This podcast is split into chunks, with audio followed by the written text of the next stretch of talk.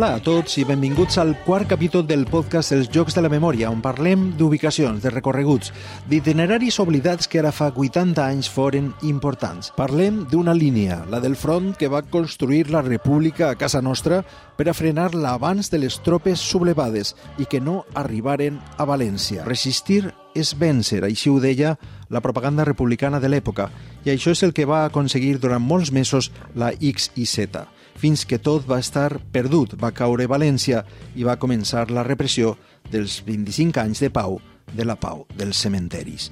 Volem saber com es va construir, com funcionava, conèixer els que la defengueren i què queda avui en dia d'ella. A esta línia defensiva, la de l'esperança enfront dels feixistes, dediquem l'episodi d'avui. Això que estan sentint és El Mur, els Jocs de la Memòria, un serial radiofònic multimèdia dirigit i presentat per Carlos López Olano fem periodisme en format podcast, però també molt més. Si accedixen pel web, diversos recursos construïssin un relat multimèdia. La sèrie és una coproducció de Punt Mèdia i de Plaza Ràdio. Capítol quart. La X i Z. La línia de l'esperança enfront dels feixistes.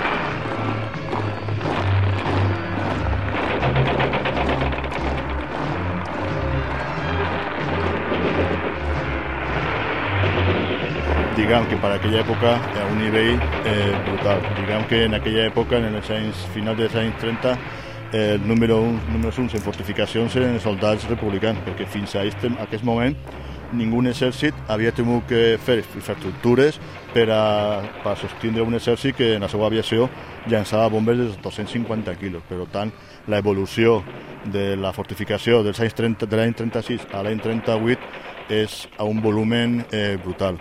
Les primeres experiències del Madrid del 36, del no passaran, van ser molt bones.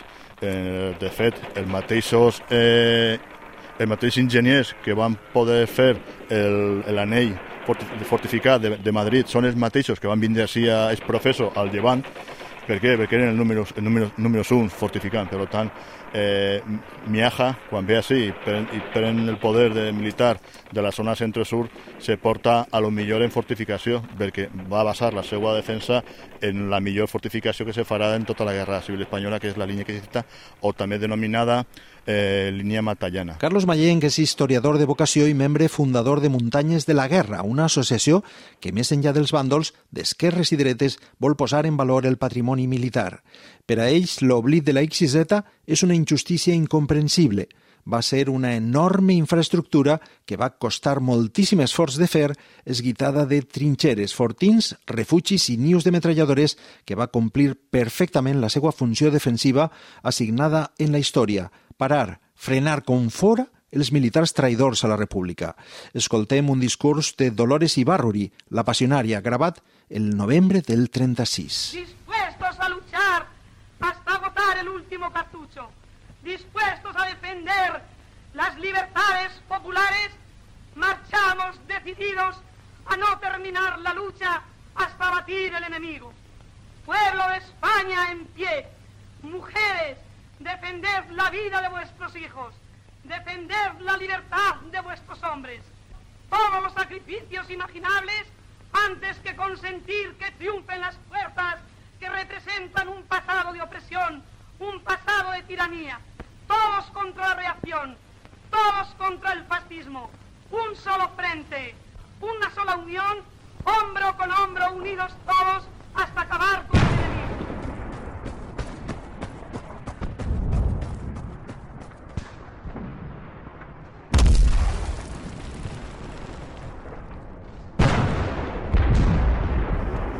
Després d'avançar des del nord i invadir Castelló, les tropes feixistes volgueren fins i tot arribar a la que en aquell moment era la capital republicana, València, el 25 de juliol del 38, dia del patró Santiago. La importància de la ciutat era vital. Sabien que si queia el Cap i Casal, centre d'aprovisionaments de la zona centre i porta cap al sud, la victòria de la guerra era seua. L'atac l'anomenaren Operació Terminus, que volia ser una acció de tenalla ràpida sobre València, però van fracassar en la batalla de Llevant gràcies a l'estratègia de Juan Negrín, president del govern i ministre de Defensa, i el general Rojo com a cap de l'estat major. Resistir és vèncer era el lema més repetit en les campanyes de propaganda republicana i resistir passava perquè la línia XZ no caiguera.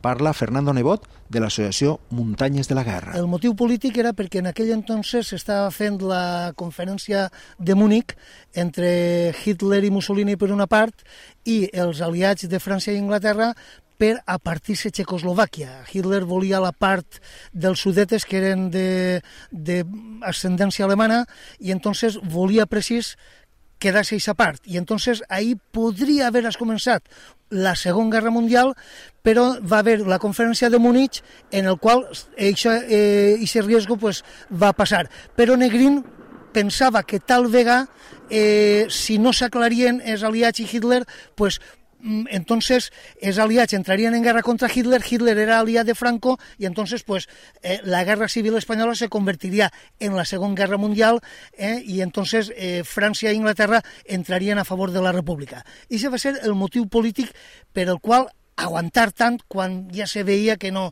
que no, podien, que no podien aguantar. 150 quilòmetres amb centenars de construccions fetes amb pedra seca i sacs terrers, forats excavats a la muntanya i coves reutilitzades, disseminades pels llocs de difícil accés, des de la costa almenara, serpentejant per les províncies de València, Castelló i Terol, fins a arribar a Conca, Santa Cruz de Molla, aprofitant tots els desnivells i terreny difícil propi de les muntanyes de la Serra d'Espadà.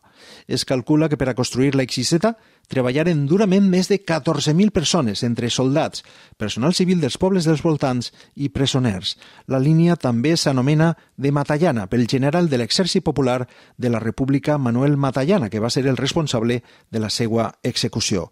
La va dissenyar discontínua i en tres dimensions, que vol dir en profunditat, en diferents nivells que els soldats atacants haurien de superar un darrere l'altre si volien passar, anar més enllà de la línia. El 18 de julio, en el patio de un convento, el Partido Comunista fundó el quinto regimiento.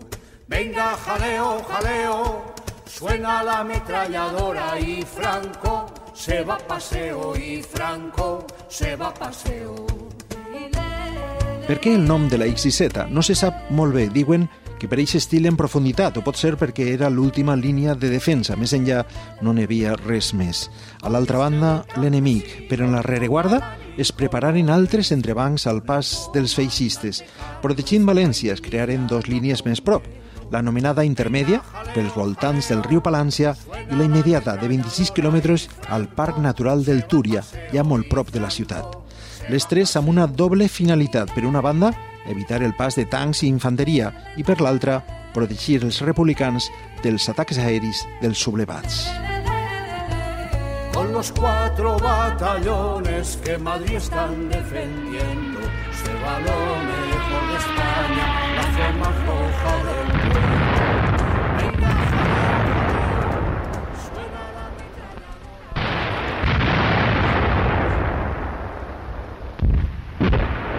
que des de Saragossa, quan venien els Henkels entonces o els Dorniers, en dues hores estaven així i podien fer fins a quatre missions. Feien dos pel matí i dos per, la vesprada. Per tant, estem que si uns 35 avions poden eh, descarregar 50 tones de, de bombes, en, un, en un dia podrien descarregar en qualsevol població, qualsevol joc, 200 tones de, de bombes. És, a un nivell ja estratosfèric per, a, per a aquella època. Dic, teniu en compte que en aquella època no n'hi havia, en l'any 35 no hi havia bombardejos enormes, sinó que eren xicotets avions eh, biplanos que llançaven bombetes de 5 o de 10 quilos, no podien tirar més perquè no tenien més capacitat. Així estem ja parlant de que un avió podia llançar 1.550 quilos de bombes. Per tant, és un canvi brutal en les tècniques i tàctiques de la Primera Guerra Mundial cap a la Segona Guerra Mundial. La història d'aixes tropes estrangeres està ben documentada. La Luftwaffe la Força Aèria dels nazis va enviar fins a 600 aeronaus i 17.000 efectius i en els seus bombardejos precisos van experimentar tècniques que només uns mesos més tard aplicarien en els seus atacs per tota Europa. Però els avions alemanys no foren els únics que solcaren els cels de la península durant la Guerra Civil. L'Europa serà fascista o fascistizzata. Els italians del Duce, del líder del partit nacionalista feixista Benito Mussolini, enviaren més de 700 avions per a participar en el conflicte espanyol. Va ser l'ajuda de dos països, Itàlia i Alemanya, en temps de pau, encara que la tensió a Europa era ja evident. La consonància política dels nazis era absoluta amb el bàndol feixista espanyol. Avions d'última generació i militars professionals per ajudar a Franco. En canvi, l'ajuda exterior als republicans va ser sobretot la de les brigades internacionals, formades per voluntaris, això sí, amb una heroïcitat fora de tot dubte. Escoltem el seu himne, La marxa de les brigades.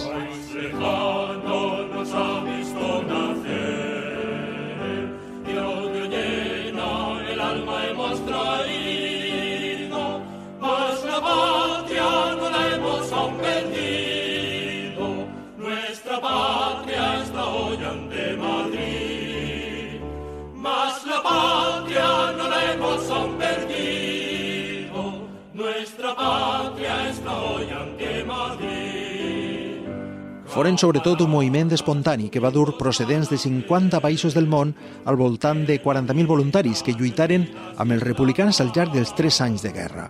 Vora 10.000 moriren a Espanya. La gran majoria no eren soldats, eren treballadors reclutats pels partits comunistes dels seus països o veterans de la Primera Guerra Mundial que s'integraren en l'exèrcit popular, formant unitats com el llegendari batalló Lincoln nord-americà, L'ajuda internacional a Franco, en canvi, va ser totalment professional, amb unitats militars perfectament preparades i material com bombarders d'última generació.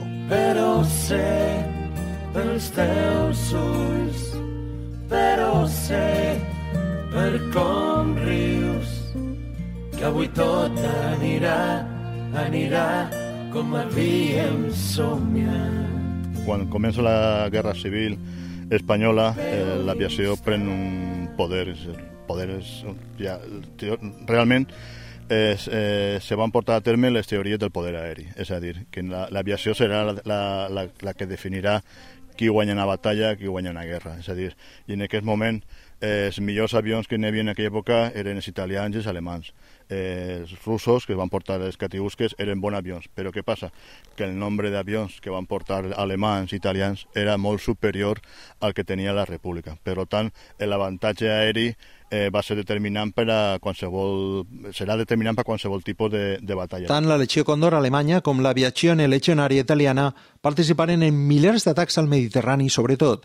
Ells foren responsables, entre molts altres, dels bombardejos a Guernica, o molt més prop de nosaltres i també més oblidat, al mercat d'Alacant, una matança contra un objectiu civil que mereixerà un capítol propi d'esta sèrie de podcast, Els Jocs de la Memòria.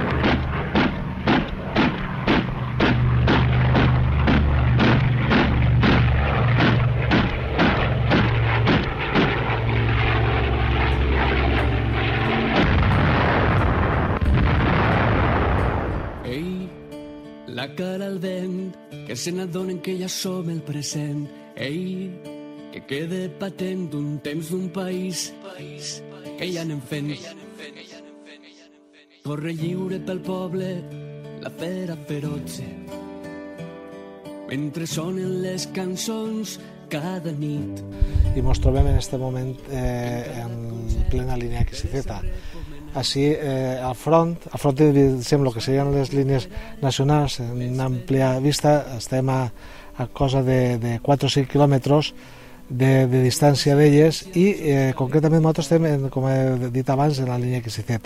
Estem damunt d'un niu d'ametralladores que té sobre uns 30 metres, uns 20 metres eh, de, de llargària en la trinxera pel mig i eh, adossat a la trinxera està la paret, se veuen tres troneres, les troneres són eh, per, es, perquè ens entenguem, les forats per on se disparava, entonces hi havia troneres per fusil i troneres per ametralladora. En aquest cas podem veure dos troneres eh, prou, prou grans que podien haver un fusil ametrallador o una ametralladora i dos troneres eh, per, per a fusil. Eh, això estava totalment protegit, estava cobert, cosa que en aquest moment eh, eh, està, no té techo i està ple d'escombros com és natural, perquè quan va acabar la guerra es, es, eh, van haver batallons de, de recuperació i se van destruir molts, la immensa majoria dels, dels nius d'ametralladores. Per això està incomplet. Eh, com he dit abans, està ple d'escombros. Si el limpiaren, veuríem exactament la capacitat del, del, del niu d'ametralladores, niu d'ametralladores, no búnquer. N'hi ha un error quan se parla de els búnkers. Els búnkers eh, pràcticament en la Guerra Civil espanyola no van existir, eren nius d'ametralladores i d'ací la vista que té és una vista fantàstica, se, eh, se veu tot el poble de, de la Vall d'Ussó i, com dia abans, se veu també el que era la línia franquista que, que ho repetís, estava a uns 5 quilòmetres. Acompanyem una excursió de les tantes que organitza l'Associació Muntanyes de la Guerra, que recorre les trinxeres just al costat de les coves de Sant Josep de la Vall d'Ussó. Parla el seu president, Ernesto Zarzoso. Nosaltres quan eixim per la muntanya pues, passem per Pinaes i veiem les trinxeres, uns d'ametralladores pres de, dins d'unes Pinaes fantàstiques. Hem de pensar que en aquella època eh, tot el que és esta línia de front, perquè si així on estem concretament no van haver combats cos a cos, perquè no va arribar el, el, el, els soldats, no van arribar, sí que estaven bombardejats per l'aviació i per l'artilleria. Entonces, evidentment, tot el, la immensa majoria del que és la línia de front tindríem l'aspecte que podia tindre era un aspecte marciano, no? Com si fora, com si fora Marte. Tot molt, molt, la Terra molt, molt menjat, tot cremat i pràcticament eh, ninguna, ninguna o molt poca vegetació. Eh, tot el que és la mateixa línia. En aquestes muntanyes es van establir durant mesos, passant dels rigors de l'hivern a la muntanya, destacaments militars sencers, fins a mig milió de soldats, tant del bàndol republicà com dels facciosos, una frontera entre el nord i el sud que marcava la distància de les dues Espanyes, a una banda i l'altra de la ratlla, en paratges envoltats de pins i sureres, com el del Puntal, d'Artana. En este lloc s'han rehabilitat fa molt poc les trinxeres, ja molt deteriorades, i els nius de metralladores, així com els jocs de comandament, tant d'uns com d'altres. És una zona on la vida quotidiana dels militars va ser difícil, però amb poc perill i poca activitat militar, després de la terrible ofensiva inicial. La infraestructura va servir de contenció i va parar perfectament l'abans dels colpistes fins quasi el final de la guerra. Parla la consellera de Participació i Qualitat Democràtica, Rosa Pérez Garijo. De fet, eh, només eh, ser jo elegida consellera, eh, vàrem fer una visita a un poble que és Villamalur, perquè eh, tenien unes trinxeres i molt ben conservades. I concretament en aquest poble vivien 60, viven, viuen 69 persones i ens explicaven com allí eh, bueno, pues els diumenges se, se plenava de gent perquè anaven a visitar les trinxeres. Aleshores nosaltres, eh, tot, tota aquesta tasca també de, de juntar memòria, itineraris de la memòria en el tema de turisme ens semblava molt important i en aquesta línia també s'està treballant.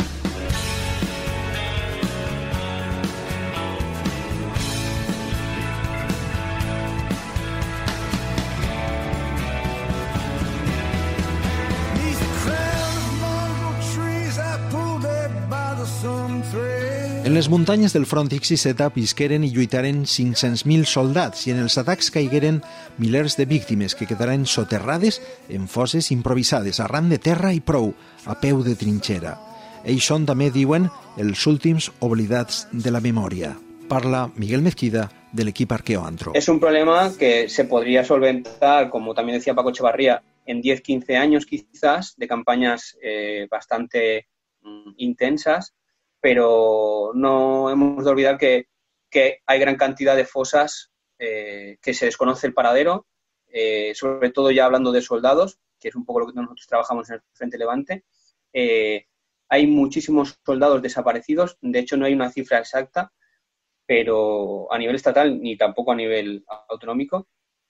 Pero, por ejemplo, nosotros en la Sierra del, Toro se habla de 1.000, 1.500 desaparecidos, igual 5.000 en todo, en todo el frente Levante, y, y hay localizadas unas poquísimas fosas y, en estos años se han recuperado, pues quizá entre unos y otros 30 o 40 soldados. O sea, imagínate el trabajo ingente que queda y posiblemente, mmm, aunque se, digamos se aborde la mayor parte del trabajo, si todo va bien, en 10, 15, 20 años siempre quedarán mm, hallazgos puntuales, eh, igual de aquí 100 años, en la que equipos de, arqueólogos, forenses, etcétera, eh, pues puedan estar exhumando fosas de la guerra civil, igual que actualmente aún se, se exhuman fosas de carlistas o se exhuman fosas de, de la Primera Guerra Mundial. A més, les condicions de conservació de les restes de les víctimes enmig de la muntanya és molt diferent de les que estan dins dels cementeris. Parla Àlex Calpe, també d'Arqueoantro. Després és l'estat de conservació de les fosses. Així n'hi ha un record de les famílies, s'ha protegit, eh, n'hi ha memorials, les fosses estan intactes, en el front és molt raro. Les fosses del front estan espoliades per la gent que busca metall de la fosa, està profanada per gent que busca ossos i s'han dut el que volia i moltes vegades, com els soldats no estaven soterrats o ben soterrats, pues, ha sigut pues, han tingut les conseqüències pues, dels animals, de la pluja, del vent, dels incendis... Fins al moment, cap intervenció en les fosses del front ha sigut subvencionada. Les que s'han fet han sigut gràcies a col·laboracions entre associacions memorialistes i equips tècnics especialistes en exhumació arqueològica. Este estiu passat, tot i la crisi del Covid, l'última. Eh, va ser en Vista Maestra. La cosa és que, bueno, eh, nosaltres teníem plantejat una campanya més gran, com fem tots els anys, pues, no vam fent setmana, setmana i mitja de, de treballs, que passa és que en el tema del Covid pues, sabem que tot està sempre en l'aire, no? I just eh, una setmana abans d'anar pues, va veure un rebrot molt fort en, en Vista Vella i, bueno, per seguretat de l'equip, perquè anaven com quasi una vintena de persones per la seguretat del poble, varen plantejar què podíem fer. Eh, per seguretat varen cancel·lar la part més grossa de la campanya i en un equip molt reduït varen decidir eh, assolir pues, la fossa que estava localitzada, que era individual, que era el d'un soldat, i que se podia fer sense cap risc en, en un cap de setmana. No? Resumim, la xifra o les xifres de la línia X i Z són molt cridaneres. Per una banda, per l'extensió, 150 quilòmetres de trinxeres i fortificacions, la línia militar més llarga en la història d'Espanya. I per l'altra, per la gran quantitat de soldats que s'enfrontaren als seus voltants. Vora mig milió, 220.000 per la part republicana i 260.000 per la part dels sublevats. La data també és molt ampla.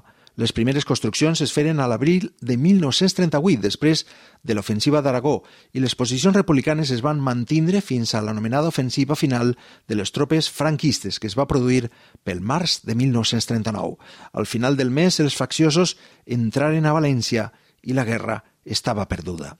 Parte oficial de guerra del cuartel general del generalísimo correspondiente al día de hoy, primero de abril de 1939, tercer año triunfal. En el día de hoy, cautivo y desarmado el ejército rojo, han alcanzado las tropas nacionales sus últimos objetivos militares. La guerra ha terminado. Burgos, primero de abril de 1939, año de la victoria. El generalísimo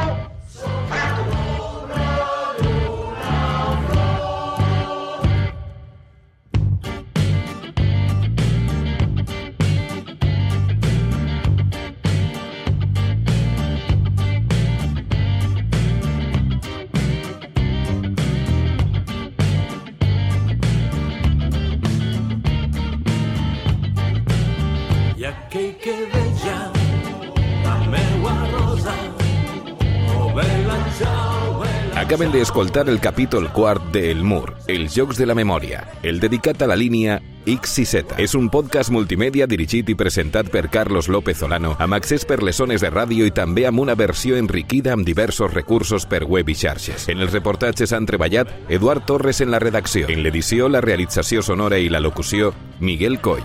En el disseny visual, Sergio Formoso. I en la locució, Lola Bañón.